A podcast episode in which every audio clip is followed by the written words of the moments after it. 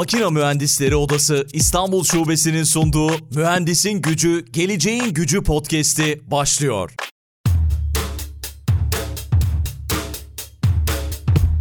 Mühendisin Gücü, Geleceğin Gücü podcast'inden herkese merhaba. Ben Aykut Balcı. Bu bölümde, yeni bölümde gerçekten yine çok özel bir konuğumuz var. Amerika Birleşik Devletleri'nde Seattle'a gideceğiz. Jacobs'ta Kuzeybatı Grup Lideri ve Jeoteknik Mühendisi olarak çalışan, aynı zamanda çok kısa bir süre önce Netflix'te yayınlanan Dream Big belgeselinin de yıldızı diyebileceğimiz. Sadece şu anda iki unvanıyla tanıttım size ama daha birçok şey yapan Doktor Menzer Pehlivan şu anda karşımda. Selamlar Menzer, hoş hoş geldin. Hoş bulduk Aykut. Teşekkür ederim davetin için. Rica ediyorum böyle heyecanlı bir giriş oldu. Heyecanlıyım çünkü seninle konuştuğum için çok mutluyum. Çok güzel işlere imza atmışsın bugüne kadar. Çok sağ ol sen de konuğumuz olduğun için, kabul ettiğin için. Çok teşekkür ederim valla. Ben de heyecanlıyım ama sesimden o heyecan anlaşılıyor mu emin olamadım şimdi. Yok yok gayet güzel geliyor sesin. Harika. Çok sağ ol. Bu bölümde biraz senin kariyerini konuşacağız, yaptıklarını konuşacağız. Bugüne kadar birçok iş yaptın, başarılı iş yaptın. Aynı zamanda birçok da ödül aldın. Uluslararası platformlarda ödüller kazandın ve son dönem içerisinde de Netflix'te yayınlanan Dream Big belgeseliyle de inanılmaz bir farkındalık yarattığını düşünüyorum. Özellikle çocuklara, gençlere mühendisliği sevdirmek adına bir farkındalık yarattığını düşünüyorum. İzlemeyenlerin mutlaka izlemesi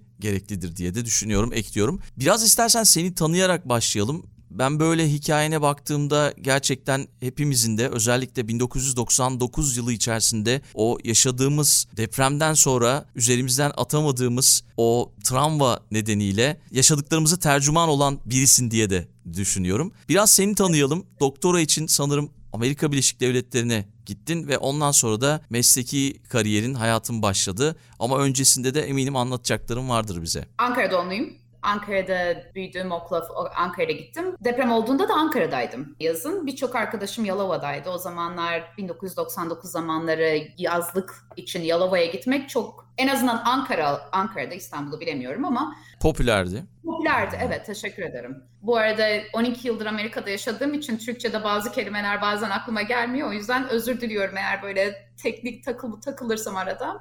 Hiç ee, sorun değil. Dolayısıyla, dolayısıyla hani bir sürü arkadaşımız oraya giderdi. Oraya bilinçliğimiz oradan. Ama benim aslında annem de genç kızlığını İzmit'te geçirdi. Benim dedem emekli albaydı. Yani o zaman albaymış tabii. Albay olduğu için bir sürü yerde dolaşmışlar ama annemin genç kızlığı İzmit'te geçmiş. Ben sadece direkt deprem deprem gününe gideyim. Yani ben bilmiyorum. Yani tabii ki de biliyorsunuz depremin olabileceğini. Yani bundan bir haberiniz var ama ben o zaman 13 yaşındaydım. Çok da fazla eyvah yaşı da vermiş olduk ortaya.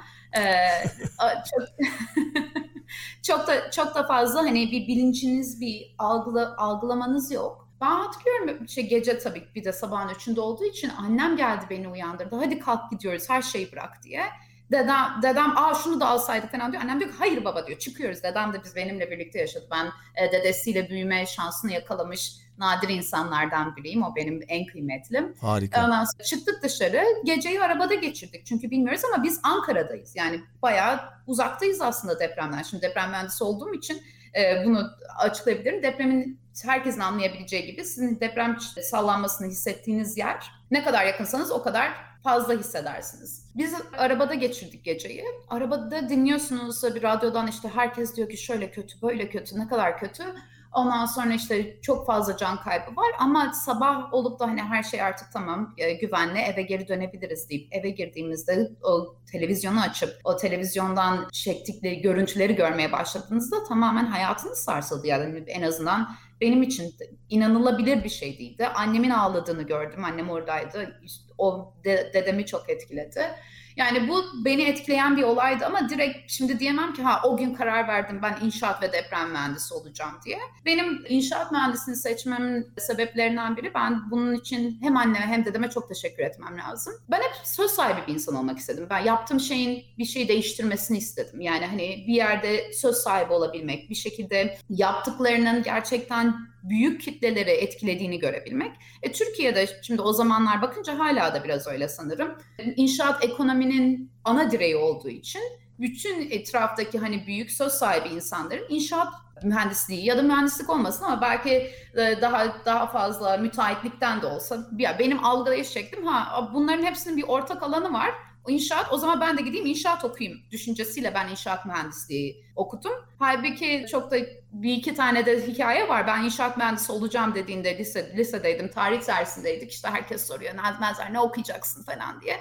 Bütün sınıfa soruyorlar sadece bana değil. E sıra bana geldiğinde de bütün erkekler tabii ki de benim söze söylediğim şeyden ötürü sanırım.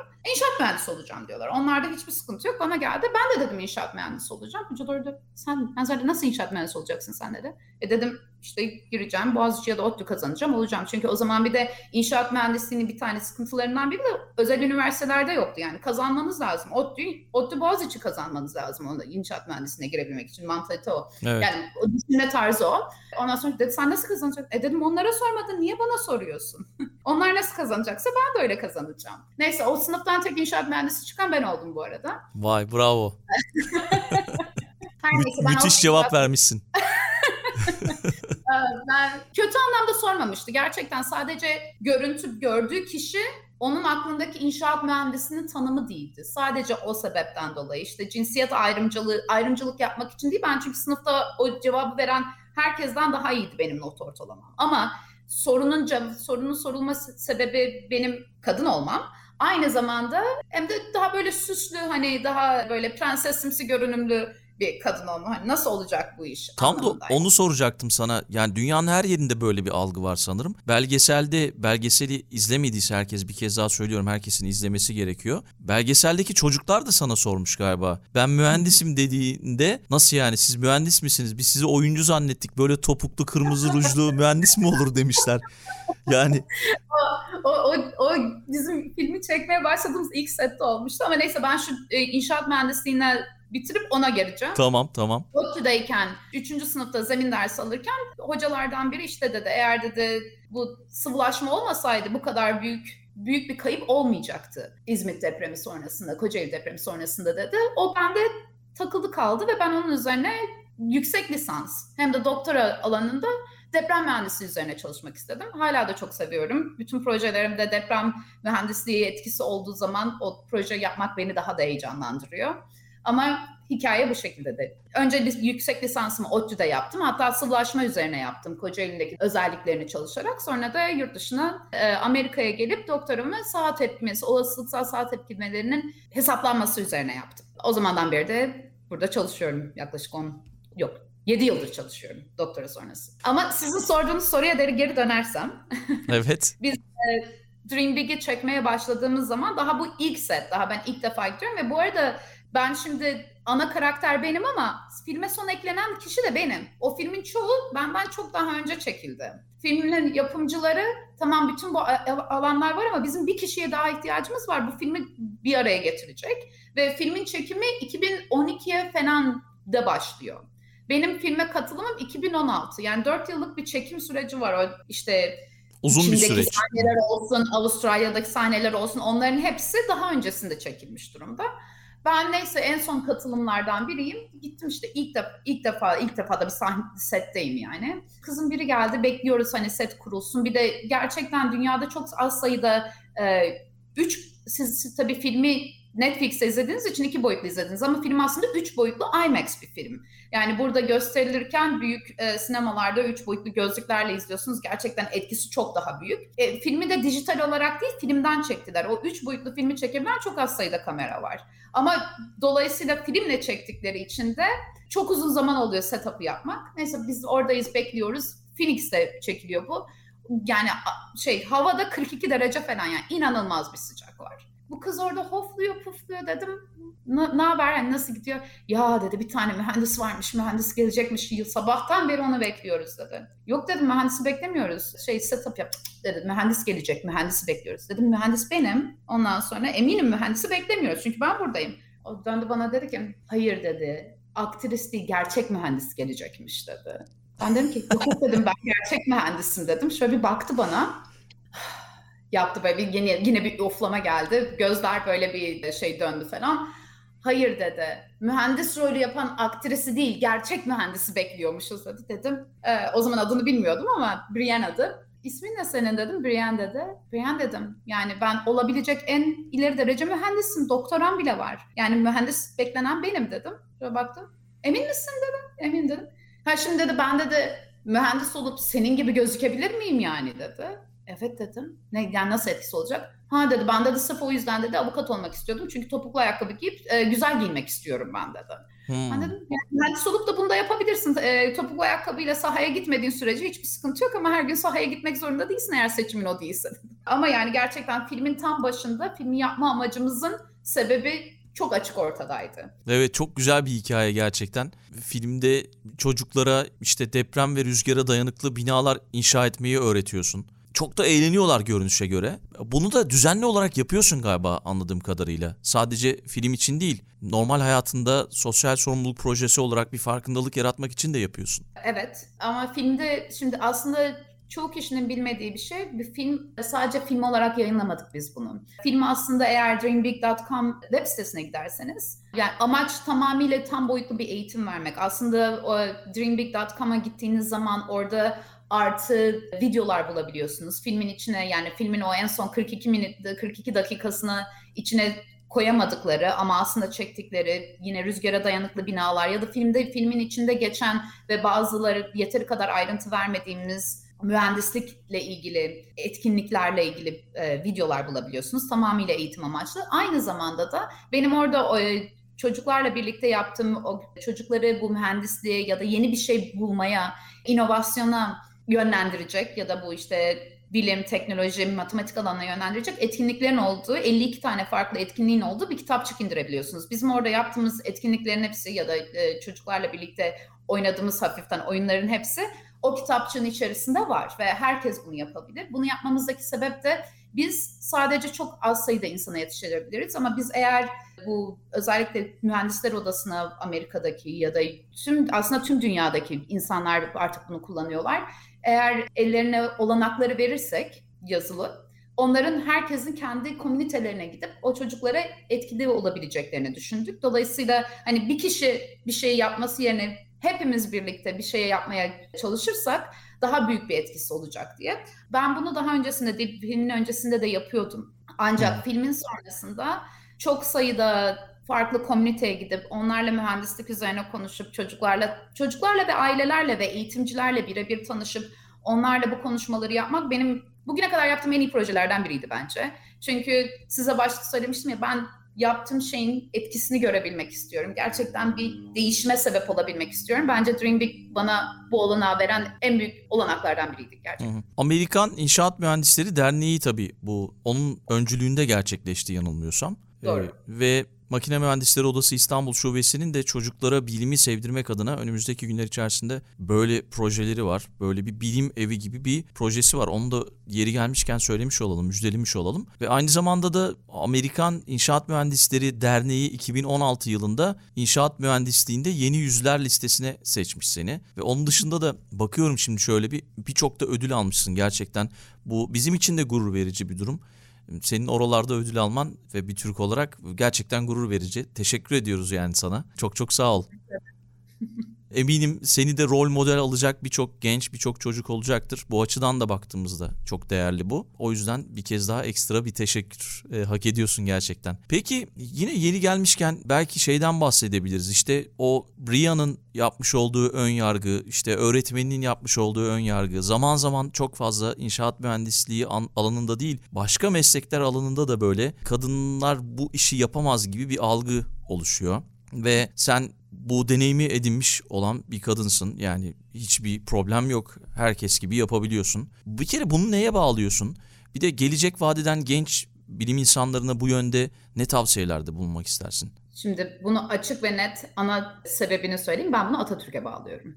Hı hı. Ee, tamamıyla Atatürk'ün oluşturmaya çalıştığı o çağdaş Türkiye'de yetişmiş bir aile tarafından yetiştirilmiş bir insan olmaya bağlıyorum. Çünkü benim ailemde kimse bana kadın olduğum için bunu yapamazsın demedi. Hiçbir zaman benim bir ay yetişme şart, yetişme tarzımda herhangi bir erkeğin yapıp da benim kız olduğum için yapamayacağım düşündükleri hiçbir şey olmadı. Bu sadece dersle ya da sadece sizin seçtiğiniz alanla, meslekle ilgili olması da gerekmiyor. Çünkü bu sizin hayata bakış açınızı değiştiriyor. İnanın bana, bana ben bu filmi çekmeye başlamadan önce bu film için beni ilk aradıklarında ki çok da komiktir ben ben o sırada toplantıdaydım. Telefonu açamadım. Şey sesli mesaja gitti. Tabii ki de yani kaç kişiye telefon gelir. Abi işte şey biz bir film çekmeye çalışıyoruz. Sizi filmde oynayın. Ben zannettim ki hani tamamıyla spam. Yani kesinlikle geri aramadım. Ama sonra bir şekilde işte Amerikan Mühendisleri, İnşaat Mühendisleri Derneği tarafı üzerinden ulaştılar bana. İlk konuşmaya başladığımızda onlar sordular. Peki dedi sen hiç olamayacağını düşünmedin mi? Yani kadınsın sonuçta bir de hani ortalama bir kadın değil daha süslü tarafa kayan bir kadınsın. O zamana kadar ben yo dedim ilk başta.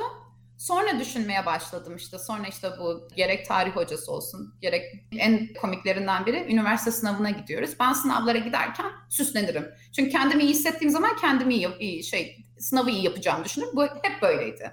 Yani hani çok da gurur duymuyorum ama ayağımda topuklu ayakkabı vardı, full makyaj, saçlar yapılı falan girdim ben ÖSS'ye. Tabii biz oraya giderken e, bir tane çocukla babası yanımızda yürüyor.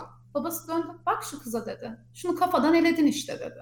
Senin ne diyorsun? Hiç gerek yok. Biz yürüyoruz ya ÖSS'ye gireceğim. Aa.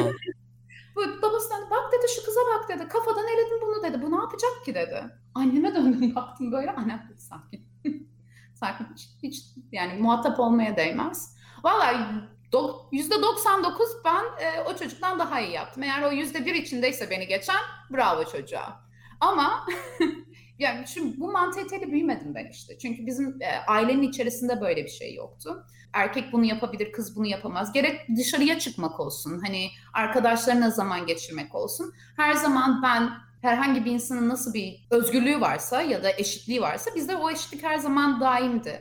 E tabii bir de Atatürk Türkiye'sinden gelen yani işte şey kızım sen e, şey koluna altın bileziği takacaksın işte avukat, mühendis, doktor olacaksın. Diğer meslekler de çok değerli ama hani bu böyle bir algı vardı ve bu algı sadece en azından benim yetişme şeklinde erkeklere yönelik değil aynı zamanda kızlara yönelikti. Dolayısıyla aslında baktığınız zaman Amerika ile Türkiye'nin Türkiye'yi kıyasladığımız zaman bence Türkiye'deki kadın mühendis sayısı da yani ortalamada daha yüksek olabilir. Çünkü mühendislik o üç meslekten biri. Yani yani öyle yetiştirilmiş ve o şey o an mantaliteyle yetişmiş bir grup var. Hani sen de bunu yapabilirsin mantalitesiyle. Ne yazık ki şimdilerde değişiyor. Şimdilerde kızlarımız acaba ben işte şey kızım şimdi ben bu alana gitmesem mi düşüncesi daha fazla. Benim liseden bütün arkadaşlarım bayağı yani kız arkadaşlarım tamam eğer MF'yi seçtilerse matematikten seçtilerse o zaman çoğumuz mühendislik okuduk biz. Ve hiçbirimizde de aa işte şey biz kızız o yüzden mühendis okumasak mı düşüncesi yoktu. Tamamıyla nasıl neyle yetiştiğiniz ve sizin hangi okula gittiğinizden ya da hangi kitabı okuduğun kitap yani ders kitabını okuduğunuzdan öte hangi mantaliteyle yetiştiğiniz çok önemli ve bence en önemlisi gerçekten. Yetiştiğin çevre de çok önemli. Ona da katılıyorum. Senin söylediğin her şeye katılıyorum. Mesela son bir, bir buçuk yıldır ben Almanya'dayım ve geçenlerde şöyle bir şey oldu. Yani bir dondurmacı, basit bir örnek veriyorum kadındı dondurmacı. İster istemez şöyle bir tepki verdim. Aa kadın dondurmacı dedim eşime. E, o da dedi ki niye olmaz mı yani? Sonra düşündüm ben Türkiye'de hiç görmedim yani kadın dondurmacı. Onun dışında işte postacı geliyor sürekli kadın. Görmedim kadın postacı. İşte treni kullanan yeni yeni bu arada Türkiye'de yavaş yavaş artık çok daha fazla bu mesleklerde kadınlar da artmaya başladı. Ben bile yani öyle bir tepki verdim. Yahu dondurma koyan yani veya satan kişi kadın olamaz mı yani? Ama işte yani yok yani Türkiye'de. Öyle bir algımız var maalesef. Bunu da bu örneği de vermek istedim yani. Bu arada bu arada herkes her şeyi yapıyor. İnanamıyorum gerçekten hala. Doğal olan bir şey, normal olan bir şey ama ben işte Türkiye'de görmediğim için inanamıyorum. Ama gerçekten öyle bir şimdi siz tren e, örneğini verince bence bizim ülkemizde bu e, mühendisliğin daha bilinir olması da çok önemli bir noktada. Çünkü bu Dream Big sonrasında Amerika'nın dört köşesine gittim muhtemelen ben. Ve buradaki bilim müzelerinde gösterildi film. Çünkü dediğim gibi üç boyutlu IMAX bir filmdi. O, müz, o film sonrasında insanlarla konuştuğumda ya da film öncesinde çoğunlukla mühendisin ne, ne, ne olduğunu bile mühendisin yani engineer'ın ne yaptığını bilmiyorlar. Ço engineer aslında İngilizce'de ben de bilmiyordum. Gidiyorum soruyorum sekre gidiyorum hani sizce diyorum mühendis ne yapar? Treni sürer diyorlar. Diyorum yani tamam trende de mekanik bir durum var ama neden yani nasıl? Niye sürekli bir tren? Meğer treni süren İngilizce'de engineer. Ben bunu bilmiyordum. Ve insanların engineer bakışları yani hani mühendise bakışları ha, treni kullanan insan gibi. Tabii bizde aynı aynı isme gelmediği için daha büyük bir farkındalık var ama bir de yani bence bazı yerlerde bizim ülkemize ve Atatürk'e çok büyük teşekkür borcumuz var. Dolayısıyla benim bugün burada olmamın ana sebeplerinden biri de o yani. O yüzden sizin sorunuzun en başlıca cevabı Atatürk sayesinde. Evet, evet. Teşekkür ediyorum. Peki biraz deprem konusuna girecek olursak senin uzmanlık alanın tabii ki. Uzun yıllardır da farklı ülkelerde de çalışmalar yapıyorsun. Farklı ülkelerdeki depremleri, deprem bölgelerini de inceledin bildiğim kadarıyla. 1999 yılına gitsek şöyle bir mesela sen başkent Ankara'da geçirmişsin depremi. Ben de sana yakın bir yerde Eskişehir'de geçirdim. Ama tabii benim de sevdiklerim İzmit'te yaşıyordu. Tesadüf şu anda denk geldi. Ve orada mesela benim gözlemlediğim iki katlı bahçeli bir evde yaşayan işte anneannemin evine hiçbir şey olmadı. Ama çevresindeki bütün yüksek binalar yıkıldı. Çünkü deprem bölgesinin fay hattının tam karşısındaydı Yalova'nın. 1999 yılından bu yana Türkiye'de yapılan çalışmaları eminim ki takip ediyorsun. Nasıl ne durumdayız sence? Yani alınan önlemler geldiğimiz nokta bu konuda neler söylemek istersin? İlk anneannenizle büyük katlı binalar arasındaki farka gelelim. Zemin bir deprem olduğu zaman sizin bulunduğunuz noktadaki sallanma büyüklüğü, deprem dalgalarının oraya sizin olduğunuz noktaya gelene kadar nasıl bir e, yoldan geçtiğine bağlanıyor. Bazı bazıları amplifiye olabiliyor, bazıları deamplifiye olabiliyor. Ama eğer iki, iki tane binamız olsun diyelim, aynı noktada olsunlar. Bu binaların ne kadar rigid olduğuna göre o depreme olan tepkileri farklılaşıyor. Buna biz tepki spektrumlarıyla bakıyoruz. Eğer siz küçük bir binadaysanız sizin binanızın aldığı tepki büyük bir binanın aldığı tepkiden farklı. Şimdi bazı zamanlarda eğer rezonans olursa yani eğer binanızın tepki süresiyle depremin tepki süresi birleşirse o zaman siz daha da fazla ivme görmüş oluyorsunuz ve o nokta tehlikeli nokta. Yüksek binalar o yüzden daha fazla ilme gördüler bu deprem sırasında, Kocaeli depremi sırasında ve onunla alakalı olarak da çok daha fazla zarar gördüler. Bu algı çok önemli çünkü mesela Nepal depreminden sonra bütün e, tarihi binalar, her şey e, yerle bir olmuştu ama bu 3-4 katlı binalarda hiçbir şey olmadı. Yapılış şekilleri aslında depreme dayanıklı değildi ama sadece rezonansı görmedikleri için çok büyük sayıda hasar görmediler. Büyük katlı binalar çok fazla sayıda hasar gördü ama Nepal'de o sırada çok fazla büyük katlı bina olmadığı için insanlarda şöyle bir ters algı oluşmaya başladı. Aa bizim yaptığımız şey okey. Çünkü yeteri kadar hiçbir hasar görmedi. Hala evin içinde yaşanabiliyor. Çok de, e, ciddi bir hasar yok. Halbuki değil. Yapılış şekilleri biz çünkü yapılış şekillerini de inceledik. Halbuki değil ama sadece o deprem için rezonans o tepki süresinde olmadığında gördükleri o mesela 7 büyüklüğündeki depremin yaratabileceği farklı bir ivme olabilir. O ivmede onların tepkisi çok daha büyük hasara yol açabilir. Dolayısıyla gerçekten hani depremin nerede olduğuna, zemin koşullarına ne olduğuna artı olarak nasıl bir binada oturduğunuz da çok önemli. Depremle ilgili olarak. Şunu da ekleyelim bence. Yani tabii ki de eğer az katlı bir bina ile çok katlı bir binada yaşıyor olursanız da yani fark etmez. Depreme dayanıklı olmuş olması lazım. Çünkü siz oradan dışarı çıkabilmek istiyorsunuz. Ve bu arada çok önemli bir şey vardır. Biz depremde, deprem mühendisi Amerika'da dahil olarak söylüyorum. Çoğunlukla biz binaları yaşam güvenliği için dizayn ediyoruz. Kodlar bunu bu şekilde gerektiriyor. Türkiye kodu da Euro kodu e, adapte ettiği için Türkiye kodunda da böyle olduğunu düşünüyorum. Mühendisler bu binaları dizayn ederken verdikleri garanti eğer hani depreme dayanıklı bir şekilde dizayn edildiyse size de evden dışarı çıkabileceğiniz garantisini veriyoruz. Ama evden çıktıktan sonra o evi yeniden kullanılabileceği garantisi aslında yok. Dolayısıyla deprem sonrasında bina çok hasar alırsa ve siz dışarı çıkarsanız aslında o binanın mühendisi işini yapmış oluyor o koda göre. Hmm. Şimdi o yüzden yeni e, alanlarda da neyi konuşuyoruz? Hani performansa da bağlı olarak dizayn. Çünkü yapının sahipleri bu kararı onlar verebiliyorlar. Şimdi biz ya koda göre dizayn ederiz ve koda göre dizayn ettiğiniz için de mühendis olarak herhangi bir liability'niz olmaz. Ya da kodun ilerisine daha sonrasında kullanılabilecek şekilde dizayn edilebilir. O zaman için de tabii dizayn için gerekli olan para artıyor. Yapılması gereken ayrıntılar artıyor. Ama bunun seçimi bizim elimizde. Bu ne kadar daha fazla para demek? Onun bunu nasıl performansa yönelik olarak nasıl dizayn edebiliriz sadece koda yönelik olaraktan öte? Bunlar çok önemli tabii. Ama bunlar daha ortalama binalar için. Önemli binalar için ya hastaneler olsun, önemli köprüler olsun çoğunlukla deprem sonrası operasyonel olabilmesi için dizayn ediyoruz. Anladım. Peki deprem konusunda 1999 yılından bu yana Türkiye'de yapılan çalışmaları takip etme şansın oldu mu? Bu konuda neler söylemek istersin? Yani ne durumdayız sence? Yeterli önlemleri alıyor muyuz? Bir de hani söyledin ya az önce mühendisin yapması gereken bir görev var. Ama mesela Türkiye'de de şöyle bir algı var. İşte haberlerde çok sık duyarız bunu. İşte deprem öldürmez, bina öldürür. Ama orada sadece bina da işin içinde değil anladığım kadarıyla. Senin verdiğin az önce Nepal'de verdiğin örnekten yola çıkarak farklı faktörler de önemli anladığım kadarıyla. Deprem öldürmez bina öldürür bence doğru. Çünkü siz o binanın hangi tepki süresindeki bir depreme denk geleceğini bilmiyorsunuz. Biz şimdi depremleri dizayn ederken belli senaryolar oluşturuyoruz.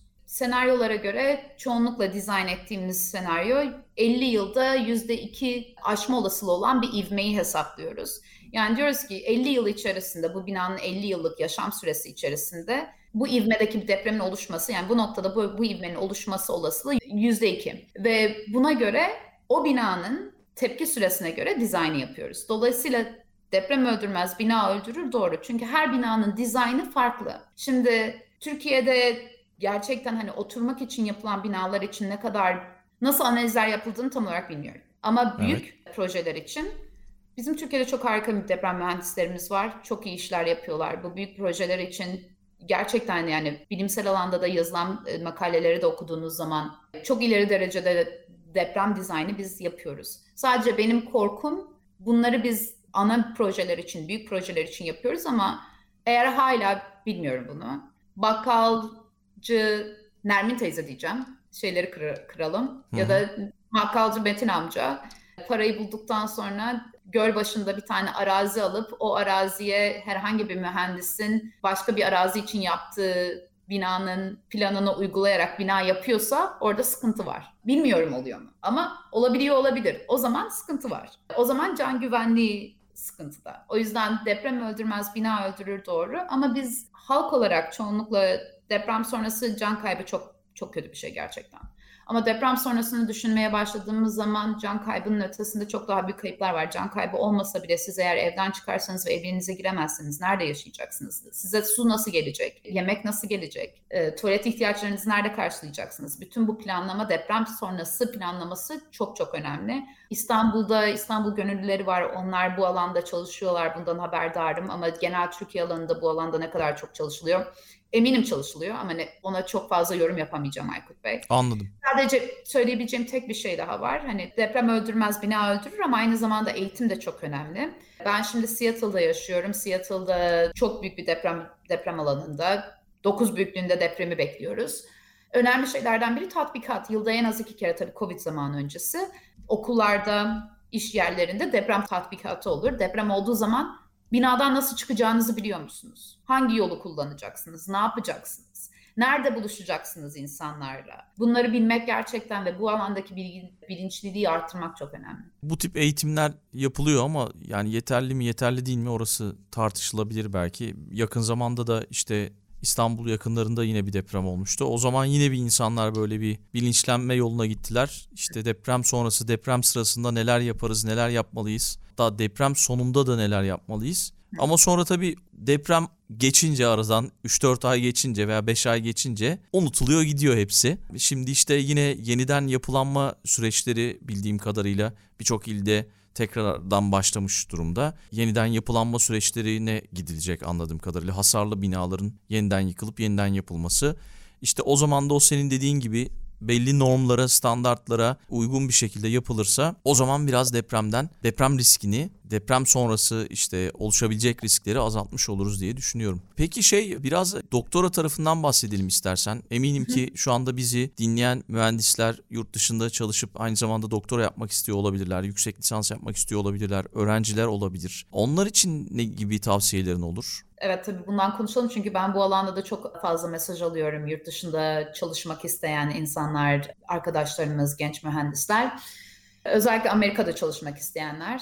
Amerika'da çalışmak için yeşil kartınızın olması lazım ya da vizenizin olması lazım. Vizeyi almak için de size bir şirketin sponsor oluyor olması lazım. Bu sponsorluğu alabilmek için sizin ne kadar iyi bir şekilde çalıştığınızı görebilmeleri lazım. Dolayısıyla yüksek lisans, master olsun, doktor olsun eğer Amerika'da çalışmak istiyorsanız buna kolay demeyeyim ama aracı olabilecek bir şey. Siz yüksek lisansınızı e, burada yaptığınız zaman inşaat mühendisliği alanında ya da herhangi bir mühendislik alanında iki yıllık size opsiyonel çalışma periyodu veriyorlar. O opsiyonel çalışma periyodu süresince şirket sizi beğenirse Ondan sonra sizin e, vizenize sponsor oluyor. Vizenizi alıyorsunuz. Daha sonra Green Card başvurunuzda yardımcı olabilirler ya da siz kendiniz yapabilirsiniz. So, bu bir yol ve bu, bu sebepten dolayı yurt dışına gelmek isteyen çok sayıda öğrenci var. Ama eğer siz yurt dışında gerçekten hani master'ı, doktorayı düşünüyorsanız ve burslu çalışmak istiyorsanız bence yapılması gereken şeylerden biri ne üzerine çalışmak istediğinize karar vermeniz lazım. Çünkü e, benim buradaki birçok arkadaşım akademisyen şu an, akademisyen hoca olarak çalışıyorlar. Hocalar her zaman gerçekten çalışacak, işini yapacak öğrencileri arıyorlar. Çünkü gerçekten onların başarılı olması için öğrencilerin başarılı olması gerekiyor ki ve öğrenciler bu alanda çok büyük bir key nokta. Ve iyi öğrenciye her zaman hepsi açık. İyi öğrenciyi buldukları zaman onlara belki ilk senesinde değil ama ikinci, üçüncü senesinde burs verebilme, burs verebilme olanakları da var. Dolayısıyla oradaki olanak çok fazla ama siz ona başvururken eğer sadece derseniz ki aa işte şey Aykut Bey ben sizinle çalışmak istiyorum çünkü neden Amerika'ya gelmek istiyorum o zaman size vermeyeceklerdir. Ama o insanın gerçekten ne üzerine çalıştığını, hangi makaleler yazdığını biliyorsanız ve bu sizin gerçekten çalışmak istediğiniz alansa o zaman daha o kişiye özel olarak hazırlanmış mektuplarla ulaşırsanız çok daha başarılı olacağınızı düşünüyorum. Anladım. Aykut Bey sorunuzu cevapladı mı bilmiyorum bu ama. Harika, süper. Peki bir de şundan bahsetmek istiyorum. Amerika'da böyle odalar, sivil toplum kuruluşları, işte makine mühendisleri odası gibi, inşaat mühendisleri odası gibi ne durumda? Makine mühendisleri odası İstanbul şubesi hakkında neler söylemek istersin? Biraz belki bu sivil toplum kuruluşları hakkında da konuşabiliriz. Çünkü sen aktif bir şekilde rol alıyorsun bildiğim kadarıyla. Çok da fazla ve bu konuda ödüllerin var, yaptığın çalışmalar var. Evet. Ya bence bir öğrenci için, ben öğrenciyken başladım Amerikan İnşaat Mühendisleri Derneği'nde rol almaya ve benim şu an olduğum alanda gerçekten çok büyük etkiler olduğunu düşünüyorum. Çünkü size bana liderlik olanakları sağladı ve çoğu kişiden belki daha hızlı bir şekilde o liderlik vasıflarını geliştirmeme yardımcı oldu. Bunlar kesinlikle öğrenilebilecek şeyler. Sizde var ya da yok değil. Tamam ki bazı kişiler daha yatkın olabilir ama hepiniz bunu yapabilirsiniz. Dolayısıyla siz benim için önemli çünkü yaptığım şöyle diyeyim ben size. Siz bu sivil toplum örgütleriyle, mesleki organizasyonlarla bağınızı güçlendirdikçe oradaki kişilerle olan bağlarınız güçleniyor. Dolayısıyla sizin bir çevreniz oluşmaya başlıyor. Ama tabii bütün bunu yaparken sadece çevre için yaparsanız insanlar bunu anlayacak ve yani o zaman bir yere gelmeniz belli değil. Ama gerçekten ilgilendiğiniz, gerçekten üzerine çalışmak istediğiniz alanlar varsa ve bu organizasyonların bu alanlarda size yardımcı olma şansı varsa, başkaları için bir şey yapabilme şansınız varsa bu alanda çalıştıkça hem siz kendi isteğinizi yapıyorsunuz hem çevreniz gelişiyor hem liderlik vasıfları geliştiriyorsunuz. Dolayısıyla iki taraflı birden çok büyük bir başarıya ulaşma şansınız olabiliyor. Bence benim Amerikan İnşaat Mühendisleri Derneği'ndeki öğrenciyken başladım ben. Ee, İnşaat Mühendisleri o derneğin UT Austin'daki kolunun başkanıydım. O yıl ulusal bir öğrenci grubu oluşturalım dediler. O öğrenci grubunun ilk e, kuruluşunda vardım. Kuruluşundan sonra kuruluşunda yardımcı başkanlığım sonrasında bir sene sonrasında başkanlığını yaptım ve bu gerçekten bana inanılmaz bir çevre sağladı. Bütün arkadaşlarım belki hani iş başvurusunda bulunmaz, bulunmak zorundalarken Beni o sırada zaten çalışan çoğu insan tanıdığı için ben kişilerle direkt konuşmaya başlamıştım. Dolayısıyla hani o iş başvurusundan geçmedi.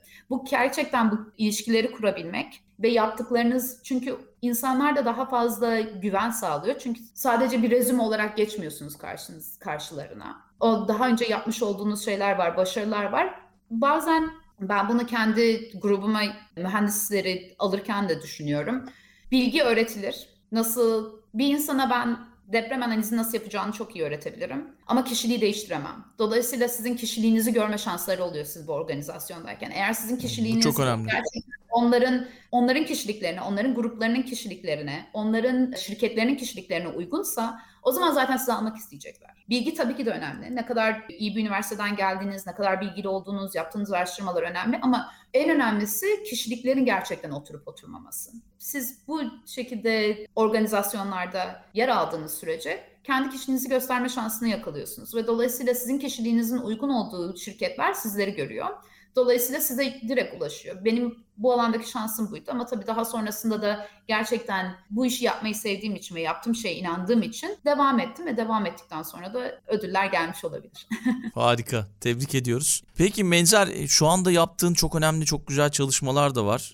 Belki biraz onlardan bahsedersin bize. Onlar da bize yol gösterir, ilham olur diye düşünüyorum. Tabii. Şu an beni en çok heyecanlandıran projelerden biri şirketimiz UN Global Compact'in Birleşmiş Milletler'in e, Global Compact'ı var. Onun üyesi ve onun üyeliği dahilinde bu Young SDG Innovators Program diye bir program var. Aslında bunun Türkiye'de de ayağı var bu program. Biz Amerika ayağındayız ve Amerika'da şirketi temsil eden 3 kişiden biriyim ben. Birleşmiş Milletler projesi gerçekten beni çok heyecanlandırıyor çünkü daha önce çalışmadığım bir alanda çalışma olanağı sağlıyor. Aynı zamanda şirketin sürdürülebilirlik alanındaki şu anki durumuyla daha sonra nereye gelebileceğimize bakmak, e, onun için stratejiler üretmek gerçekten benim için çok heyecan verici. Bu proje sadece çalıştığım projelerden biri ama bir tane daha projem var. O daha depremle alakalı. Alaska'da bu çok büyük bir deprem pay hattına yakın bir köprü projesi üzerine çalışıyoruz. Onun için olasılıksal tepki analizleri yapıyoruz. O da teknik olarak çok beni heyecanlandıran ve çalıştığım bir proje şu an. Harika gerçekten. Çok çok teşekkür ediyorum Benzer. Yaptığın çalışmalarla, aynı zamanda katıldığın sosyal sorumluluk projeleriyle, başka projelerle bir kere farkındalık yaratıyorsun. Bir rol model oluşturuyorsun. Aynı zamanda özgüven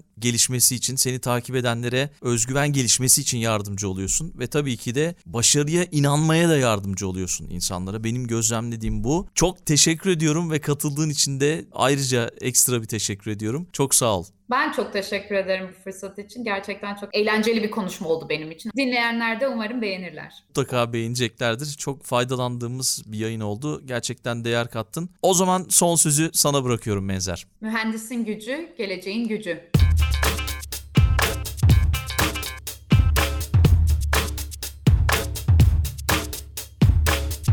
Makina Mühendisleri Odası İstanbul Şubesi'nin sunduğu Mühendisin Gücü, Geleceğin Gücü podcast'i sona erdi.